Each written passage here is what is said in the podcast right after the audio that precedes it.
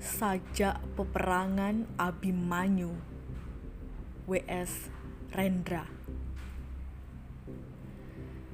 Ketika maut mencegatnya di delapan penjuru, sang kesatria berdiri dengan mata bercahaya.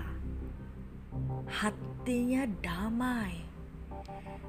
Di dalam dadanya yang bedah dan berdarah karena ia telah lunas menjalani kewajiban dan kewajarannya.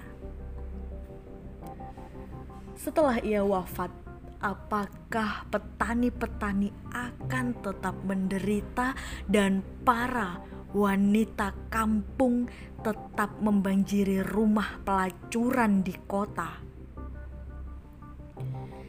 Itulah pertanyaan untuk kita yang hidup.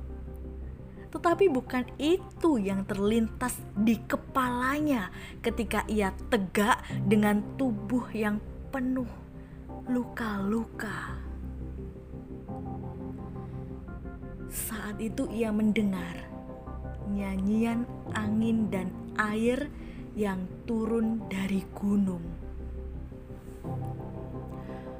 Perjuangan adalah satu pelaksanaan cita dan rasa.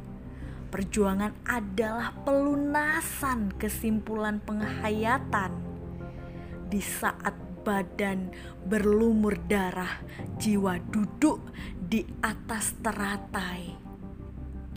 Ketika ibu-ibu meratap dan mengurap rambut mereka dengan debu, roh kesatria bersetubuh dengan cakrawala untuk menanam benih agar nanti terlahir para pembela rakyat tertindas dari zaman ke zaman.